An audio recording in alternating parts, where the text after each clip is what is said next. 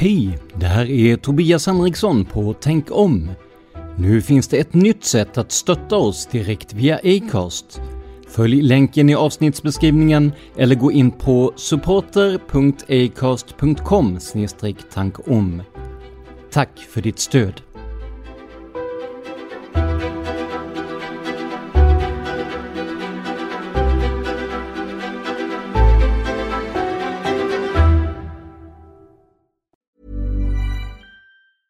Even on a budget, quality is non-negotiable. That's why Quince is the place to score high-end essentials at 50 to 80% less than similar brands. Get your hands on buttery soft cashmere sweaters from just 60 bucks, Italian leather jackets, and so much more.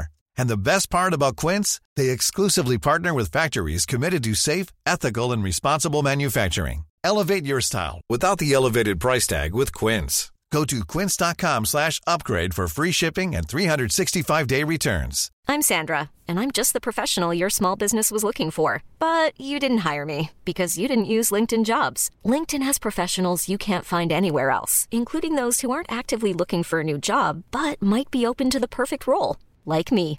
In a given month, over 70% of LinkedIn users don't visit other leading job sites. So if you're not looking on LinkedIn, you'll miss out on great candidates like Sandra.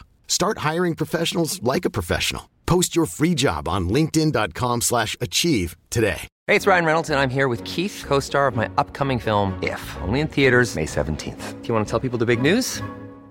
All right, I'll do it. Sign up now and you'll get unlimited for $15 a month in six months of Paramount Plus Essential Plan on us. Mintmobile.com slash switch. Upfront payment of $45 equivalent to $15 per month. Unlimited over 40 gigabytes per month. Face lower speeds. Videos at 480p. Active Mint customers by 531.24 get six months of Paramount Plus Essential Plan. Auto renews after six months. Offer ends May 31st, 2024. Separate Paramount Plus registration required. Terms and conditions apply if rated PG.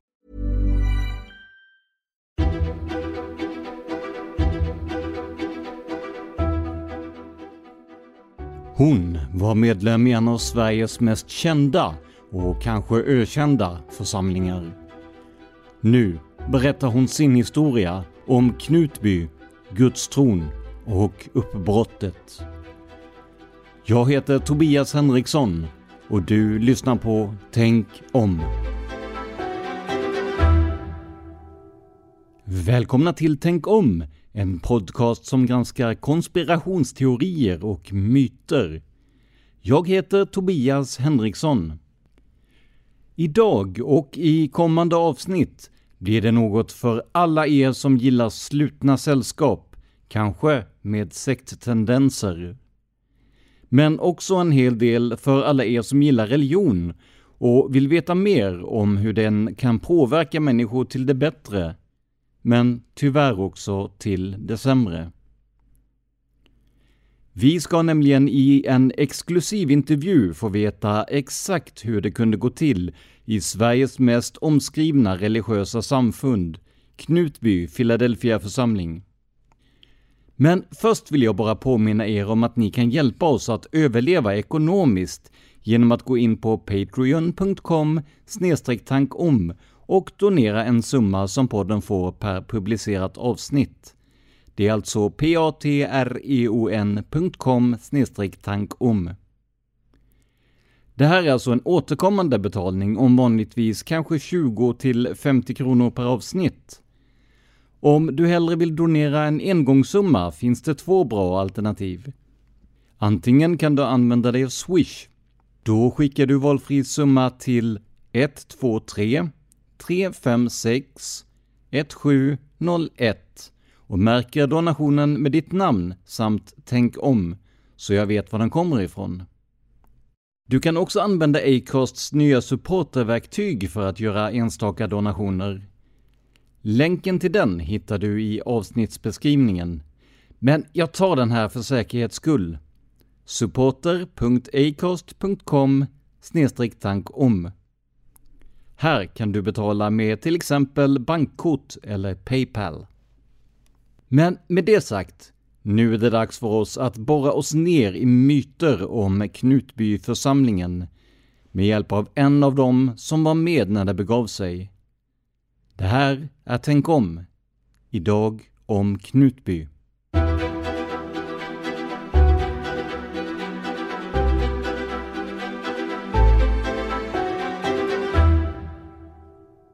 Jag, liksom andra, har ett ganska komplicerat förhållande till tro. Jag vill såklart tro på en större mening, men samtidigt är jag kristen på samma sätt som många andra svenskar. Av gammal vana och utan större ansträngningar för att lära mig mer om religionen jag föddes in i. Att hitta sin mening i tron kan vara en befrielse, eller om uttrycket tillåts, en välsignelse. Men det kan också snabbt vändas till ett helvete. Idag ska vi prata med en person som upplevt båda sidorna av det här genom en församling som fick som mest uppmärksamhet först när det verkligen gick snett. För vissa orter förknippas med speciella händelser. Säg Malexander och många tänker på polismorden. Säg Knutby och många tänker på mordet och på de sektlika förhållanden som rådde där. Jag har på ett sätt samma erfarenhet. Jag är uppväxt i Rödeby, en ort som blev känd i media när en mobbad tonårings pappa sköt ihjäl en av sonens mobbare och skadade en annan allvarligt. Idag händer det ofta att folk får en bekymrad rynka i pannan när jag säger att jag är från Rödeby, trots att händelsen utspelades en bit norr om orten. Men det här är såklart ingenting mot att ha växt upp i Knutby som dagens gäst gjort. Att växa upp i en sluten församling med strikta regler och en lika strikt trosuppfattning är inte lätt. Jag inbillar mig att man till slut inte vet annat än det som man matas med av pastorer, församlingsmedlemmar och andra. Så försök att se på den här intervjun med öppna ögon och ett öppet sinne. Så finns det goda chanser att ni lär er mer, både om våra medmänniskor och de krafter som kan driva personer till att göra helt otänkbara saker. Dagens gäst i Tänk om är Linnea Kuling, välkommen! Hej, tack! Och du är ju författare och du är musiker och du är tidigare medlem i Philadelphia-församlingen i Knutby, inte sant? Ja, precis. Eh, om vi börjar i den här änden då, för att eh, du har släppt en bok på Storytel Original som heter eh, Knutbyflickan. Om vi börjar i, i den änden här, hur, hur kom det sig att du, att du ville skriva om alla de här upplevelserna, att du ville sätta det på pränt och dela med dig? Eh, jo, men jag behövde ju skriva av mig för min egen skull. Eh, så jag började skriva direkt när jag hade lämnat församlingen, eller sekten. Eh, så började jag skriva och eh, så började jag gå i terapi parallellt Eh, så jag lät min terapeut läsa vad jag skrev. För att jag kände att jag hinner inte förklara allting på våra möten. Så det är bättre att jag skriver. Och sen fick han läsa det tills, ja, tills vi skulle träffas då. Och sen pratade vi om de där 50 sidorna han hade läst då, den veckan. Liksom. Jag skrev väldigt mycket. Eh, ja, sen så blev det en bok till slut. Att det var viktigt för dig förstår jag, men kände du också att det var viktigt att förmedla kunskapen om, om det här som du säger, ja men sekteristiska, att leva i en så sluten värld? Ja, eh, precis. Jag kände att det var... Jag kan inte riktigt förklara varför jag kände att det var så viktigt att min historia kom ut. Eh, men jag, jag minns liksom att, att jag tänkte så här, men shit, tänk om jag, om jag blir påkörd av en bil. Och så min, min första tanke var då inte att nej, jag kommer dö, utan nej, min, min bok kommer inte ut. Eh, så jag sa till min familj, ni måste kunna lösa det på min dator, om jag dör då måste ni publicera boken, okej? Okay? De bara, men du ska inte dö. Alltså, jag, jag, kan inte riktigt förklara varför det kändes så viktigt, men, ja, men det är väl att historien får inte upprepa sig igen. Det här som har hänt nu, um, alltså, ja, det måste bli någonting bra av det. Och boken avhandlar ju i stort sett allting från det att du är ja men, liten helt enkelt från det att du är barn till att du bryter upp från vill du kalla det för församling eller sekt? För är, du har ju ändå en erfarenhet av det. Vilket, vilket är mest relevant? Hela församlingen i sig var ju inte en sekt. Um, så jag, jag, ja, jag skiljer nog på församlingen och sekten på något sätt. Hur definierar du sekten då? Alltså i boken så använde jag ju ordet församling eftersom det var så jag såg det då. Uh, men jag skulle säga idag att att sekten främst var den innersta kretsen runt Åsa Waldau. Eh, och sen att det, ja, att det spred sig i olika led, men det känns inte rättvist att kalla hela församlingen en sekt. Nej, då gör vi inte det. i början av boken där, du, du berättar om att du, du var ganska, ja men ska vi säga stökig när du var eh, liten då. Du var, ja, det var svårt att leka med andra och du, ja men, kunde, jag tror du skrev att du, att du bet dina kompisar så när du var liten och sådär. Och, och det här försvann ju som du beskriver det när du kom till, till Knutby. Och det, för mig lät ju det här som en, ja vad ska jag säga, det lät ju som en bekräftelse på att nu har du hamnat rätt. Nu är det ju någonting som, som verkar ha släppt. Eh, vad, vad har du för, har, har du tänkt någonting kring detta och finns det någon förklaring till det? Jag vet verkligen inte. Eh, jag visste ju faktiskt inte att jag var så här bråkig. Jag vet att jag ja, men att, att jag, jag minns att jag bet någon och sådär. Men, jag, men jag tänkte, jag såg inte mig själv som att jag var så här bråkig och sådär. Så det har jag ju fått höra i efterhand. Och jag visste inte att de hade problem med mig och sådär. Så ja, jag har liksom inget svar på det. Det är bara jättekonstigt. Att det, att det kunde gå från natt till dag liksom. Men när du kom till Eh, församlingen och så att säga tycktes hitta din plats då Kommer du ihåg någonting av, av känslan som fanns där? För du, du skriver ju om en, en väldigt stor förändring. Du lekte obehindrat med de andra barnen och var glad och, och framåt och gjorde teckningar till föräldrarna och vad det var för något. Kommer du ihåg någonting av den? Ja, alltså jag, jag kommer ihåg att jag verkligen älskade Knutby. Eh, det var liksom som att komma, att gå in i ett lekland som barn. Och jag kommer liksom ihåg när vi åkte tillbaka till Örebro efter att vi hade varit där första gången. Och jag tyckte liksom att varför är alla så sura och varför är det så tråkigt utanför Knutby? Det var liksom som en helt annan värld. Ja, så det, så det för mig var det ju ett lekland. När, när du mm, skriver om det här så låter ju delar av det som Ja men det var som, som jag skrev till dig, det låter som en idyll, det låter som lite så här Bullerby-aktigt där. Var det så? Ja men verkligen. Eh, men jag tror också att att det byggde ju på att, att så många var tvingade. Att, att man inte kunde ha en dålig dag. Utan att man, att man var tvungen att ställa upp och att man man pratade mycket om att, att alltid vara glad och pastorerna kunde säga fake it till you make it. Och det var ju ganska, ja, det var väldigt uttalat att man skulle vara glad. Um, så det byggde ju på liksom ett mörker. Så att det är lite sorgligt att det hade liksom inte kunnat vara så där idylliskt om det inte byggde på tvång heller. Tror jag. Nej, okej, okay. så att det var, vad ska man säga, om man inte hade den här yt ytan utåt så var man ja, men, avvikande eller annorlunda då? Ja, eller nej, alltså det var utan att man skulle vara glad. Alltså att det var otacksamt mot Gud att inte vara glad. Um, de pratade liksom om så här hur judarna hade dansat in i gaskamrarna. Till och med de var glada, så vad ska ni klaga på? Oj. Ja, precis. Så att det, fan, det var liksom, man blev liksom förlöjligad om man, om man hade en dålig dag eller var ledsen för något. Mer så var det. Men alltså nu, nu, nu fastnar jag lite på det här, men att judarna dansar in i gaskamrarna alltså. Ja. Det, det är ju ganska, alltså historiskt sett ganska absurda påståenden. Ja, eller hur? Och det kom från pastorer? Jag tror att det var Peter Genbeck som sa det någon gång. Jag, jag, det kan vara så att det var någon särskild gång, någon särskild dag eller någonting som eh, men att det var något tillfälle i alla fall som han sa det. Ja, så det, det var den mentaliteten liksom. Men, men just det här, mycket av det som, som beskrivs i boken, att man som jag tolkar det i alla fall, att man försöker se alla människor, att man leker över åldersgränserna och sådär. Alltså i grund och botten, om vi bortser från, bara för tillfället då, från det som hände sen, så det är väl egentligen något, alltså det är väl något gott som kanske samhället hade behövt mer av rent allmänt? Mm, jo, absolut. Alltså jag tror att det var, alltså det var nog en god tanke. Liksom att, att alltid vara positiv. Men jag tror att det blev liksom för mycket, att man, man måste kunna få men till, till exempel tjejer fick inte, eh, man fick inte vara hemma om man hade mensvärk till exempel.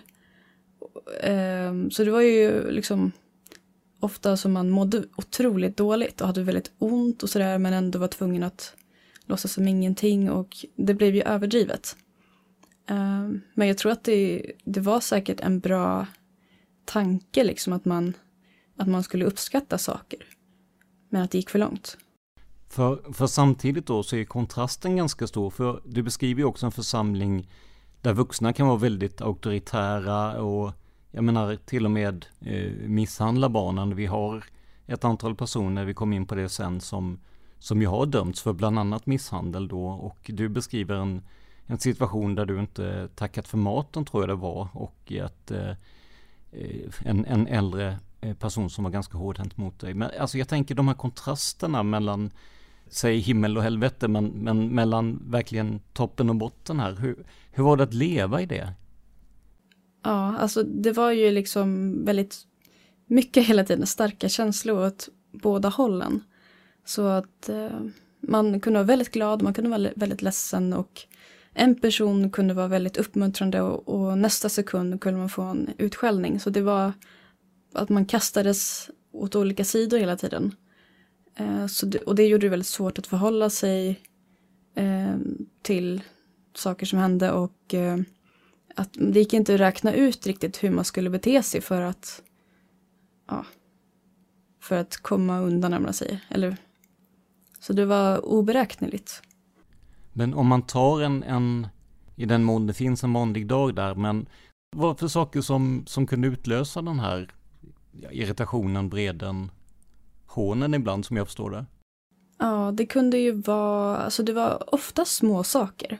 Eh, så att man hann ju inte göra något stort för att man blev ju så snabbt tillrättavisad. Så det kunde ju vara att, ja, men att man inte var tillräckligt glad, till exempel.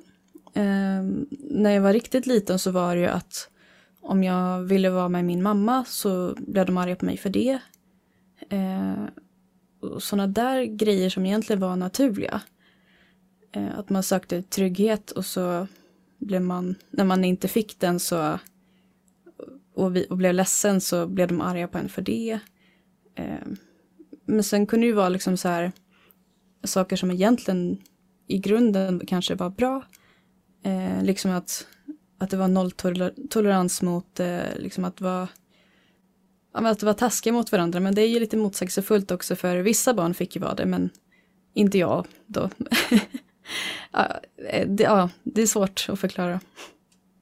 Då kommer vi ju in på det för att, eh, när vi just apropå det här med folk som kunde vara rejält taskiga, så en person som, som får stor uppmärksamhet i boken, det är ju eh, Åsa Waldaus dotter eh, som kallas Mia i boken här. Hon har ett annat namn men vi ska inte gå ut med detta. Hon har polisanmält dig för förtal med tanke på hur hon beskrevs i boken och anser att hon är utpekad då, men med ett annat namn givetvis. Samtidigt så eh, i en eh, artikel i en icke nämnd tidning nu, för man inte skulle kunna peka ut någon, så, eh, så beskriver hon ju det som du säger som att det i grunden är korrekt. Hur, hur ser du på hela den här biten? Alltså jag blev ganska förvånad över att hon gick ut med sitt nya namn. För att jag har ju valt att skydda henne genom att ge henne ett, ett nytt namn. Så alltså hon har ju såklart rätt till sin historia. Eh, och jag förstår ju att hon, att hon ser saker på ett annat sätt än vad jag gjorde. Ja, men jag blev ganska förvånad. Men jag hade dock förväntat mig mer kritik. Innan, innan bara för att lyssnarna då som eventuellt inte har läst eller lyssnat på din bok, vilket ni för övrigt ska göra ska jag säga, för jag blev helt fast i den. Så om vi bara ger en liten, liten bild här då.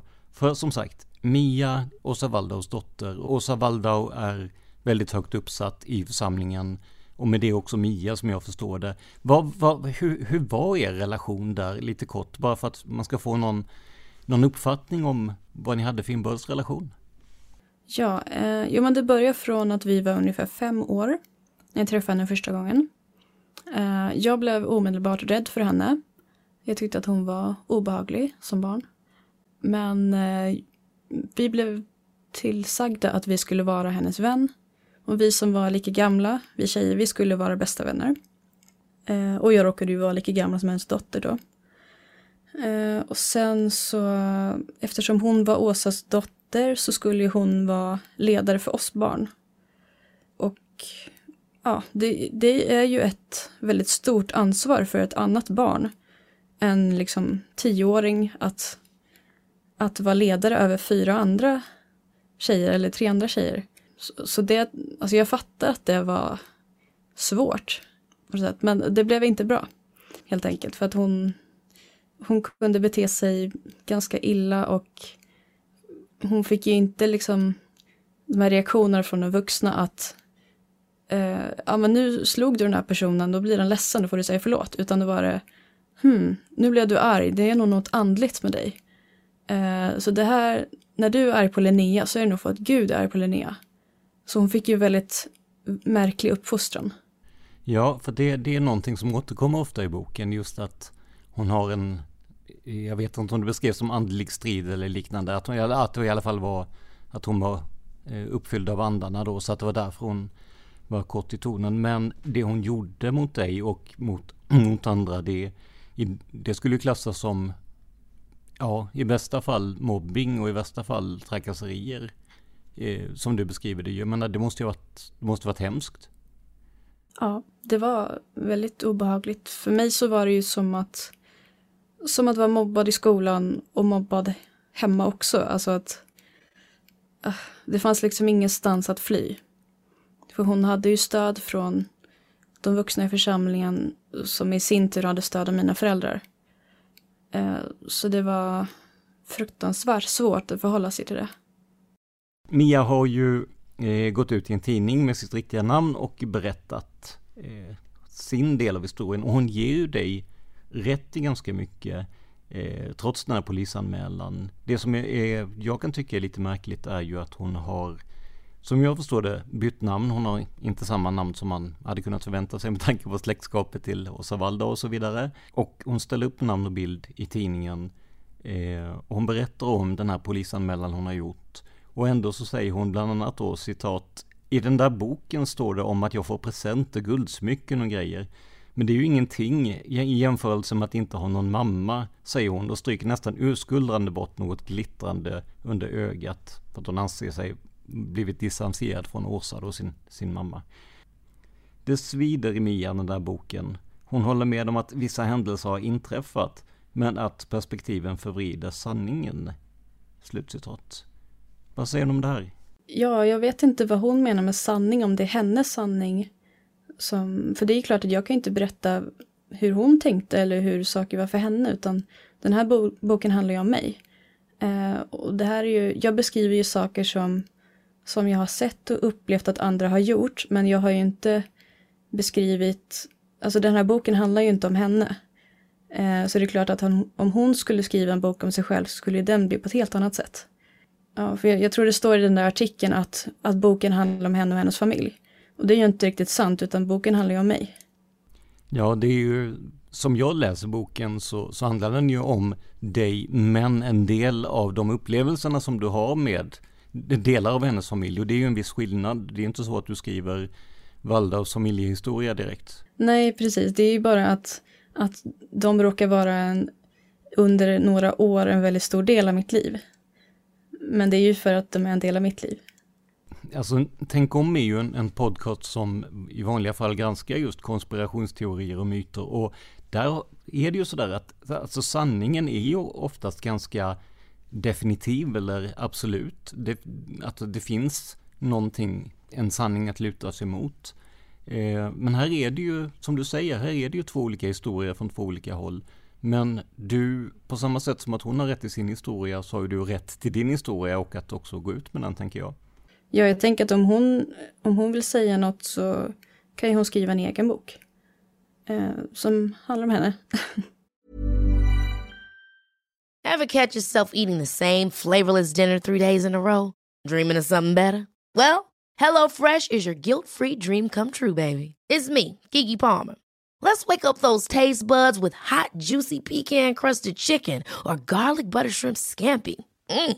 Hello Fresh. Stop dreaming of all the delicious possibilities and dig in at HelloFresh.com. Let's get this dinner party started. I'm Sandra, and I'm just the professional your small business was looking for. But you didn't hire me because you didn't use LinkedIn jobs. LinkedIn has professionals you can't find anywhere else, including those who aren't actively looking for a new job but might be open to the perfect role, like me. In a given month, over 70% of LinkedIn users don't visit other leading job sites. So if you're not looking on LinkedIn, you'll miss out on great candidates like Sandra. Start hiring professionals like a professional. Post your free job on linkedin.com/achieve slash achieve today. Millions of people have lost weight with personalized plans from Noom, like Evan, who can't stand salads and still lost 50 pounds. Salads, generally, for most people, are the easy button, right? For me, that wasn't an option. I never really was a salad guy. That's just not who I am. But Noom worked for me. Get your personalized plan today at Noom.com. Real Noom user compensated to provide their story. In four weeks, the typical new user can expect to lose one to two pounds per week. Individual results may vary. Men just det här, det förekommer ju en hel del, vad ska vi kalla det, myter, mediamyter kan vi väl kalla det i alla fall, kring Knutbyförsamlingen eller Philadelphiaförsamlingen här. Och en, ett av de begreppen som har varit uppe allra mest, det är ju det här med Kristi brud. Eh, hur, hur såg ni på det här begreppet? Och, och vad innebär det egentligen för oss som inte är så insatta i det? Ja, alltså det här var ju något som jag fick höra talas om i media. Eh, från första början. Så att det här var ju inte någonting som man trodde i församlingen. Eh, och det är väl lite det jag menar med sekten och församlingen, att det inte hela församlingen var en sekt. Därför att det här, jag fick ju veta det när jag var 16-17. Eh, och då hade jag liksom vuxit upp där hela livet. Eh, så det här var ju en hemlighet som fanns inom en krets i församlingen. Eh, och det handlar ju då om att, eh, att Åsa var den som skulle gifta sig med Jesus. För att, jag menar, att, som jag förstår det, att kristendomen handlar väl om att man väntar på att Jesus ska komma tillbaka. Ja, men att hans mål var att träffa henne. Hur tänker man sig det så att säga? Du, när vi pratar om det här, om vi går in på de grundläggande grejerna här då. Att Kristus ska ju återkomma till jorden, absolut. Eh, men i, så att säga i vilken form och skepnad? Som en, som en person, som en ande, som en varelse? Hur, vad hade man för föreställning där? Det jag fick liksom lära mig som barn, det var ju att Jesus var som vilken människa som helst. Eh, att han inte var liksom någon flummig ande. Utan att, att ja men precis som man säger att folk som dör kommer till himlen så var, så var han i himlen just nu men att han skulle komma tillbaka som en människa. Eh, och inte liksom någon så här Herkules halvgud utan han skulle vara en vanlig människa. Eh, och då när jag fick veta att, att eh, han skulle gifta sig med Åsa så kändes det inte så jättekonstigt. Eftersom han inte var någon halvgud utan han var en, en eh, vanlig människa. Nej men det, för det där är ju ganska viktigt känner jag för att som du beskriver det så är det ju Jesus kommer tillbaka i en ja, men, mänsklig skepnad med mänskliga egenskaper. Och att då två människor gifter sig, om en, en, en, en människa som så att säga, även om det är Kristus då i en, en människas kropp om jag uttrycker och så, det är ju inte så himla märkligt egentligen, tänker jag. Men jag tror att i tidningarna, jag upplevde det som att det var någon form av eh, ja, men, någon form av andligt eh, äktenskap. Jag tror det känns som att det blev en hel del missförstånd om, det, om kanske framförallt då synen på ja, men, giftermålet med mellan Kristi brud och, eh, och eh, när Jesus då skulle komma tillbaka. Ja, för det blev ju som att, att, att media målade upp det som att vi trodde att hon var någon slags andlig person, eller vad, vad ska man säga, men att egentligen var det som att vi trodde mer att Jesus var en människa. Men visst hade Åsa en väldigt speciell ställning i, i eh, församlingen? För det är ju den bilden man får både av din bok och av mediaskriverier. Ja. Jo, men precis. Så att, att det blev sådär nerplockat på jorden gjorde ju att, att hon blev ju samtidigt liksom gudomlig. Så att, att hon var ju hon var ju den som var närmast Gud av alla människor på jorden. Och eftersom hon skulle gifta sig med Jesus så blev hon ju nästan en motsvarighet till Jesus i nutid. Så att jag såg ju det som att precis som lärjungarna följde Jesus på Bibelns tid så behövde vi följa Åsa i nutid. Men där, där är ju en, ja, myt, eller i alla fall en bild av Åsa som har kommit fram, att hon ska ha varit väldigt, eh, ja men väldigt hård, väldigt, ehm, ja, vad ska man säga, nästan lite över, översittare, och tycka om de goda sakerna i livet och kanske inte, eh, ja, kanske tänka ganska mycket på, eh, på sin egen lycka så att säga. Men, men hur, hur var bilden eh, av Åsa för dig och hur förändras den över tid? Ja, alltså det måste säga att i media så målades hon ut som väldigt hård och fortfarande idag gör. Eh, men det är ju bara halva sanningen för att det jag såg av henne som barn och som ung vuxen var ju att hon var den absolut snällaste människan jag någonsin har träffat. Så sen när, när hon väl blev arg på mig, det tog ju väldigt hårt på mig. Men jag kommer ihåg liksom i, i skolan när det var någon lärare som alltid skällde. Då brydde man sig inte om honom. Men sen minns jag att vi hade en lärare som vi liksom blev kompis med. Och, och en gång så, så hade vi misskött oss i klassen och när han berättade och då sa han liksom att jag blev ledsen av er, av att ni gjorde så här. Och då blev vi jätteledsna. Och det var lite den känslan jag hade av Åsa, att, att jag, jag tyckte så mycket om henne. Hon betydde så mycket för mig så att så att jag ville verkligen inte göra henne ledsen och när hon blev ledsen så, så såg jag inte det som att hon var en mobbare eller översittare utan att jag, som att jag sårade någon jag verk, verkligen älskade. Du, du lade på dig själv istället för att, för att så att säga se att det kanske inte alltid var ett bra beteende från hennes sida heller då? Ja, precis. Du beskriver ju i boken där Åsa som väldigt eh, ja men tvåsidig får man väl säga. Precis som du säger den här väldigt goa, snälla Eh, kvinnan som bjuder med dig på resor och skänker vackra saker och som eh, säger att hon ser dig som sin dotter och så vidare. Men som samtidigt kan, om vi, om vi använder ut, eh, uttrycket utnyttja den här positionen då till att exempelvis att ni ja, men, fick städa, diska, putsa, eh, väldigt mycket eh, till att faktiskt kunna ja, vara ganska hård i sina omdömen senare också. Men jag tänker på den här, jag har funderat så mycket på vad som hände i hennes huvud och var hon ond och planerade allting eller liksom var, eller var hon snäll men, men gick överstyr eller liksom vad hände? Och jag funderar på om om hon var så narcissistisk att hon faktiskt trodde att vi undersåtar då, att, att det, vi var så lyckliga att få vara i hennes närhet, att det var liksom en välsignelse att få diska hennes disk. Så jag har nog landat lite i att jag tror att hon tänkte så. Och att det inte liksom var av ondska som hon utnyttjade, utan och att hon kanske inte tänkte att hon utnyttjade oss heller. Utan jag tror att att hon tänkte att hon var så, så, mycket, så mycket för mer än oss andra. Men jag tänker på liksom, min hund äter ju torrfoder. Och det är ju liksom, alltså det är ju lyx för den om hon, om hon får slicka min tallrik. Och att det kanske var lite så hon tänkte med oss människor, att hon såg ner på oss så mycket. Så att hon tänkte att, att hon gjorde oss en tjänst genom att låta oss städa hos henne och sådär. Men tror du det är något som har skapats i Åsa så att säga av sig självt? Eller är det att också att hon har blivit upphöjd av Eh, ja, sektförsamlingsmedlemmar så att hon faktiskt själv tror på att hon är så uppsatt. Förstår du vad jag menar? Är det, en bild, är det någonting hon har skapat eller är det omgivningen som har skapat det åt henne?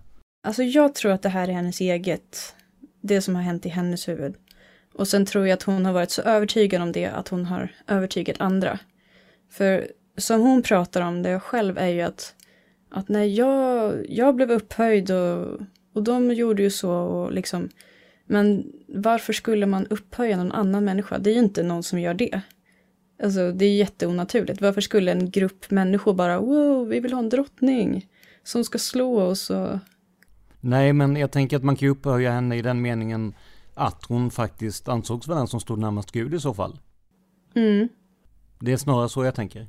Ja, alltså jag tror att, att hon kunde, att hon fick ju mer och mer makt, men jag tror inte att det förändrade den som hon såg sig själv. Liksom. Okay. hon skrev ju den här Tirsa-profetian som vi ska gå in på. Ja, just det. Eh, den skrevs ju innan 2000-talet som jag förstått det. Och det var ju långt innan allt det här hände.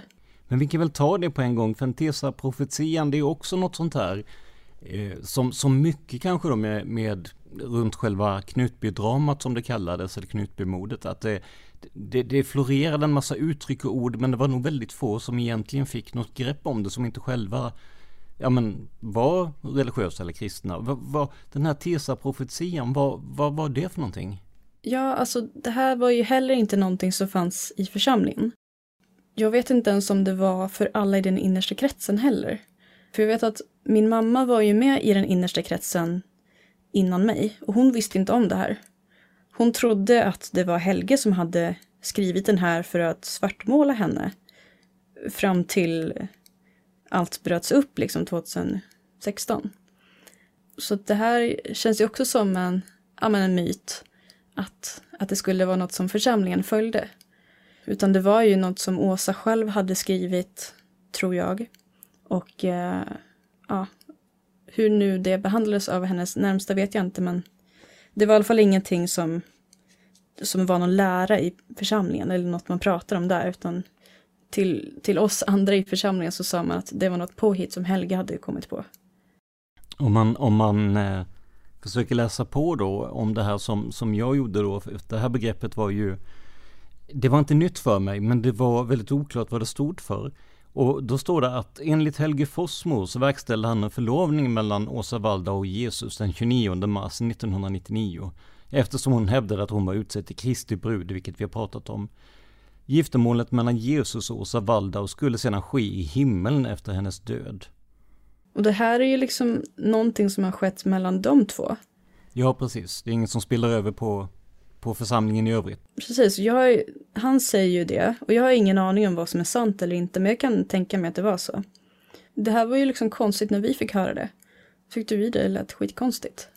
Ja, det, det kan jag förstå. Det, jag tror, och det, det är ju det jag sa i början också att det känns, det låter ju väldigt märkligt för en utomstående också ju. Kanske ännu mer märkligt.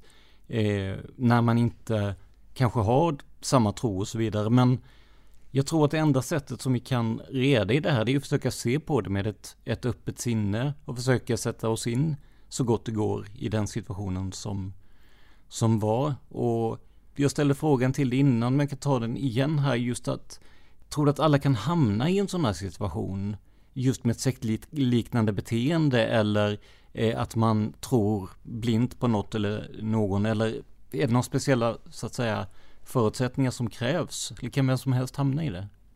Uh, jag har funderat på det och jag tror att nej, jag tror inte att alla kan hamna i det. Uh, jag vet att väldigt många säger att ja, det kan hända vem som helst och sådär. Eh, alla människor är faktiskt olika och det behöver inte vara något dåligt att man är en sån person som dras till sekter liksom. Jag har funderat på ja, men vilka typer som, som stannar kvar i sekter och sådär. Bara nu jag spekulerar fritt men jag tror att att det är två typer. Att en typ är som jag, som jag var då, att jag var, jag trodde otroligt starkt. Eh, och jag var beredd att gå 100% in i det jag trodde på. Och det hade nog kanske varit, ja men min personlighet är väl så att jag går all in i det jag gör. Och att, ja, att, jag var, att jag var beredd faktiskt att lägga bort min egen lycka för någonting högre, någonting större. Och om det, det är väl kanske en sån typ som gå med i Läkare utan gränser, kanske men, sådana unga killar som går ut i krig. Det gynnar ju inte dem. Men de tror ju på någonting större. Och sen så verk, tror jag nu i efterhand att, jag tänkte att alla var så, men nu när jag hör hur andra pratar om det, för detta medlemmar, så verkar det som att, att det finns en annan typ som vill ha bekräftelse eh, från en grupp. Eh, och att man liksom att man vill ha gemenskap, att man vill ha en, en grupp som man känner sig trygg i och att man vill tillhöra någonting och sådär. Och att man lever för den där bekräftelsen som man får. Som inte jag känner igen mig i, men så jag, jag tror att, att, ja, att det fanns en stor grupp i församlingen som stannade av den anledningen. Jag tänkte på en, en sak, ja, både du och jag sysslar ju olika, eh, med olika framgångsrikt kan vi säga, med musik där. Du har ju, eh, du, har en, du är från en musikerfamilj kan man säga så. Din, din pappa är framgångsrik där och du gör själv musik och har ute det på Spotify sådär. För att jag tänker att jag har ju själv spelat framförallt trummor och slagverk i olika orkestrar och sådär. Och för mig, när du beskriver den här gemensamheten i en, i en grupp så tänker jag genast på att sitta tillsammans med 80-100 andra personer och att alla jobbar mot samma mål, att varenda liten ton stämmer och, eh, och också den här enorma tomheten som kan inträffa när man inte är med alla de här och eh, Alltså det är, jag vet att det är, det, det är en väldigt världslig jämförelse, men det är det närmaste jag kommer där. Eh, ja, men jag tycker att det är en bra jämförelse. Jag tror att för mig var det ju inte det som höll mig kvar, eftersom jag inte är så social av mig. Men även trots att jag är så osocial så var det ju ändå någonting väldigt härligt med den gemenskapen som jag faktiskt saknar idag. Och det känns ju väldigt tomt idag. Faktiskt, så det är en bra liknelse. Går det att ersätta med någonting den här tomheten? Hur gör du för att, för att jobba med den här tomheten? Ja, men som jag sa i början att jag tror att den här gemenskapen som var så härlig byggde egentligen på något mörkt. Och att det hade inte kunnat bli så här bra liksom. Ja, men det, det var liksom tiotals personer som jobbade ideellt på spa. Och tog hand om massa spagäster. Liksom, det hade inte funkat om det inte byggde på tvång det, det priset för, det, för den gemenskapen är alldeles för högt. Så jag vill ju liksom inte ha det, men jag kan ändå sakna det. Och, och ibland känner jag mig liksom så tom och saknar det där. Eh, men jag försöker antingen då skriva eller göra musik. Eh, och liksom typ kanalisera, kanalisera de känslorna till någonting kreativt. För då känner jag ändå att jag får ut någonting av det. Men en, en annan person som som var väldigt uppmärksammad just kring Knutbydramat var givetvis Helge Fossmo som senare dömdes till livstidsfängelse efter sin inblandning i det här då. Eh, hur, ja, hur väl kände du honom? Vad har du för, för tankar och, och intryck av honom? Jag kände inte honom så bra. Han döpte mig dock. Och sådär. Så vi har ju liksom...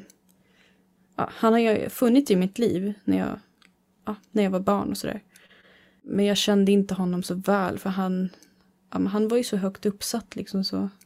Och sådär. Men ja, det jag minns av honom var att han var väldigt alltså, glad och skämtsam, busig liksom.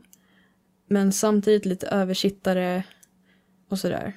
Att ha, det var någonting lite... Alltså man kände inte riktigt att man ville krama honom som barn. Om, om jag ska beskriva det så. Att, att det var inte den där famnen man ville krypa upp i. Både Åsa och, och Helge har ju beskrivits som väldigt auktoritära men även de andra pastorerna verkar följa samma linje. Dels om man tittar på förundersökningen kring, kring mordet och dels om man tittar på eh, citaten i boken där. Och du beskriver ju också en, en, i boken där en hård ton i predikningar och sånt där. Vad, vad ville man uppnå med den, med den här hårda tonen? Vad tror du om det? För jag tänker att om, om Jesus budskap är ett kärleksbudskap så känns det väl dumt att dra fram massa, Eh, ja, massa hårda, eh, hårda ord och hårda, eh, alltså en hård ton mot församlingsmedlemmarna. Hur? Ja, alltså det var ju det som var så svårt för att de sa ju att Ja men det byggde, eller det grundade sig alltid i kärlek. Men det var en annan syn på kärlek att mm, liksom att om man accepterade att någon gjorde något dåligt så älskade man inte den personen. Typ så var det. Så att, så att idag kan jag ju känna att, att jag älskar alla min familj oavsett vad de gör. Och att jag inte har några krav på dem. Men, men då var det ju liksom omvänt. Liksom att, ja men liksom det här att, eh, att man skulle säga till om någon har en fläck på tröjan för att annars älskar man inte den och sådana grejer fast med personliga saker. Och då blev det också gentemot Jesus. Typ att om ni inte lever rent och älskar ni inte Jesus. Ja men, men vad då ska man, ska jag inte ha kvar min segelbåt som jag tycker om? Vad då tycker du mer om din segelbåt än Jesus? Det blev ju liksom en väldigt konstig kärlek. men samtidigt så fanns det ju någonting, alltså det fanns ju ändå sanning i det för att jag tänker på um, sen i, senare i boken så är det ju flera av ungdomarna som försöker rymma. Just det. Och då hur, hur hårt det blir för dem och hur deras föräldrar är hårda mot dem. Och att det nu i efterhand uppfattas det som jättekonstigt att, att de stängde in sina barn hemma och inte lät dem åka bort och, eller lämna församlingen. Men jag tänkte på, alltså det som gjorde, alltså var det kärlek eller var det ondska? Så jag tänkt på, men om ens barn börjar knarka, är det då kärlek att säga gör vad du vill, bara du är glad? Och strunta i den? Eller, eller om man om man säger till som förälder att, att alltså om man går över den gränsen och, och till och med går så långt som man slår sina barn för att man är så rädd för att förlora dem. Alltså, det är inte okej, okay, men, men är det ondska? Och jag tror inte det. Jag tror att alltså, allting blev så förvrängt. Alltså hela, det var så sjukt alltihop, men jag tror inte att de, de flesta människorna i församlingen var onda. Eh, utan jag tror att det blev en väldigt, väldigt förvirrad lära som gjorde att, att man begick väldigt alltså, råa handlingar fast det egentligen grundade sig i att man älskade de man hade omkring sig. Du sa att det var just det här med att det var svårt att lämna. Du beskriver i boken eh, när en person har hittat en, eh, en kille som hon vill vara med och eh, eh Ja, de, de har varit intima också helt enkelt. Och eh, som jag minns det nu så sa man att hon hade, om det var att hon hade djävulen i sig eller onda andar i sig, det var inte hon som talade utan det var? Ja, uh, onda andar. Okej, okay. var, var det så det förklarades? Om man ville lämna eller om man hade en åsikt som var emot den som ja men de styrande hade. Var det den gängse förklaringen då att man hade något ont i sig? Ja, det var ju liksom för att man, man tänkte ju liksom att, att människan var god men att det som man uppfattade som, uppfattade som ont var ju andar som man hade släppt in i sig. Uh, så då tolkar man ju det som att okej, okay, den här tjejen, nu vill hon lämna och hon har gjort det här vidriga som är så syndigt och sådär. Men det är ju inte hon, för hon kan ju inte göra det här utan det måste ju vara att, att hon har släppt in en ond ande för annars skulle hon inte göra så här. Så det var ju på något sätt liksom ett sätt att acceptera att, att folk gjorde saker mot församlingens vilja liksom. Men hur, hur gick tanken om, hur, hur tog sig andarna in eller var det man själv som släppte in dem genom att inte tro tillräckligt eller vad var det som? Jo men det var så här att eh, eftersom, men särskilt, det var ju särskilt de som var runt Åsa som det drabbade. Och då var ju logiken så här att det var en strid om Åsas frid och att eftersom andarna inte kan ge sig på Jesus så ger de, ger de sig på Åsa. Och eftersom Åsa är så stark så kan de inte komma åt henne heller. Men då kommer de åt de som är närmast henne. Eh, som inte är lika starka. Och då var det att djävulen och hans demoner och andar de tar sig in via tankar. Så att om man tänker dåliga tankar och inte berättar det för någon. Om man tänker, om man har någon, någonting man drömmer om som man vet är fel eller någonting och inte berättar det, bekänner det för någon. Då har djävulen en hållhake på en. Eh, och så fort man har någonting i mörkret, någon hemlighet eller någonting man har gjort som man inte berättar för någon, då, då har djävulen eh, fritt spelrum eh, och kan ta över människan. Eh, och jag tror det står i Bibeln att lögnens barn, eller djävulens barn är lögnens barn eller någonting. Att, att om man ljuger så då är man inte längre Guds barn utan djävulens barn. Så, och då, ja, då fick ju djävulen tillträde till, till ens person. Så det var ju så det gick till och man såg ju det som en svaghet att man hade släppt in en ande.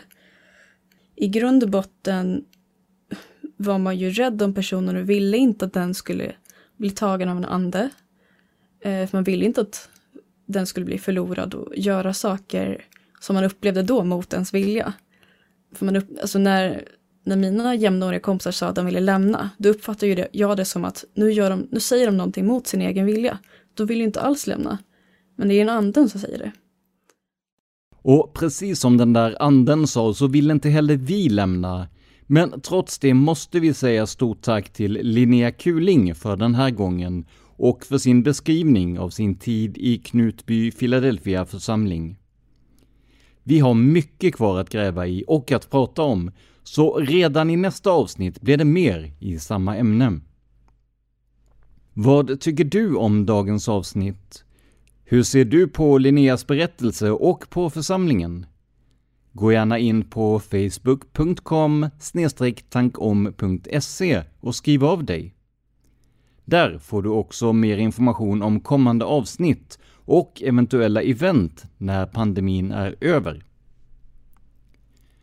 Jag vill också påminna er om att ni kan få ett antal fina belöningar, bland annat alla avsnitt utan reklam, genom att sponsra oss på patreon.com tankom. Genom att göra det kan du stödja podden och se till att vi kan fortsätta komma ut lång tid framöver.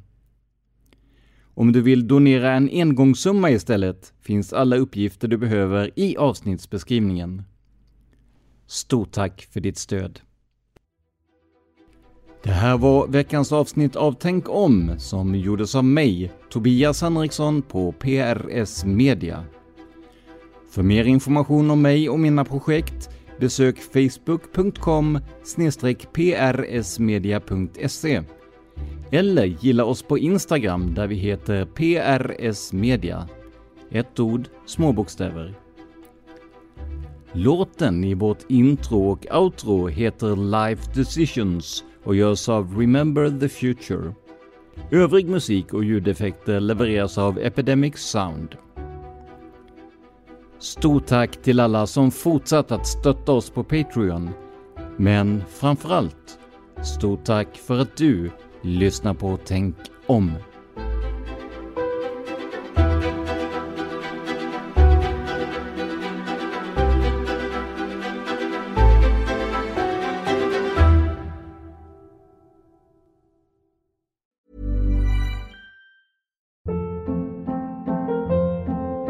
Hold up. What was that? Boring. No flavor. That was as bad as those leftovers you ate all week. Kiki Palmer here, and it's time to say hello to something fresh and guilt-free. Hello Fresh. Jazz up dinner with pecan-crusted chicken or garlic butter shrimp scampi. Now that's music to my mouth. Hello Fresh. Let's get this dinner party started. Discover all the delicious possibilities at hellofresh.com. When it comes to your finances, you think you've done it all. You've saved, you've researched, and you've invested all that you can. Now it's time to take those investments to the next level by using the brand behind every great investor, Yahoo Finance. As America's number one finance destination, Yahoo Finance has everything you need, whether you're a seasoned trader or just dipping your toes into the market. Join the millions of investors who trust Yahoo Finance to guide them on their financial journey. For comprehensive financial news and analysis, visit yahoofinance.com, the number one financial destination, yahoofinance.com. This is the story of the one. As head of maintenance at a concert hall, he knows the show must always go on. That's why he works behind the scenes, ensuring every light is working, the HVAC is humming, and his facility shines. With Granger's supplies and solutions for every challenge he faces, plus 24 7 customer support, his venue never misses a beat. Call quickgranger.com or just stop by. Granger, for the ones who get it done.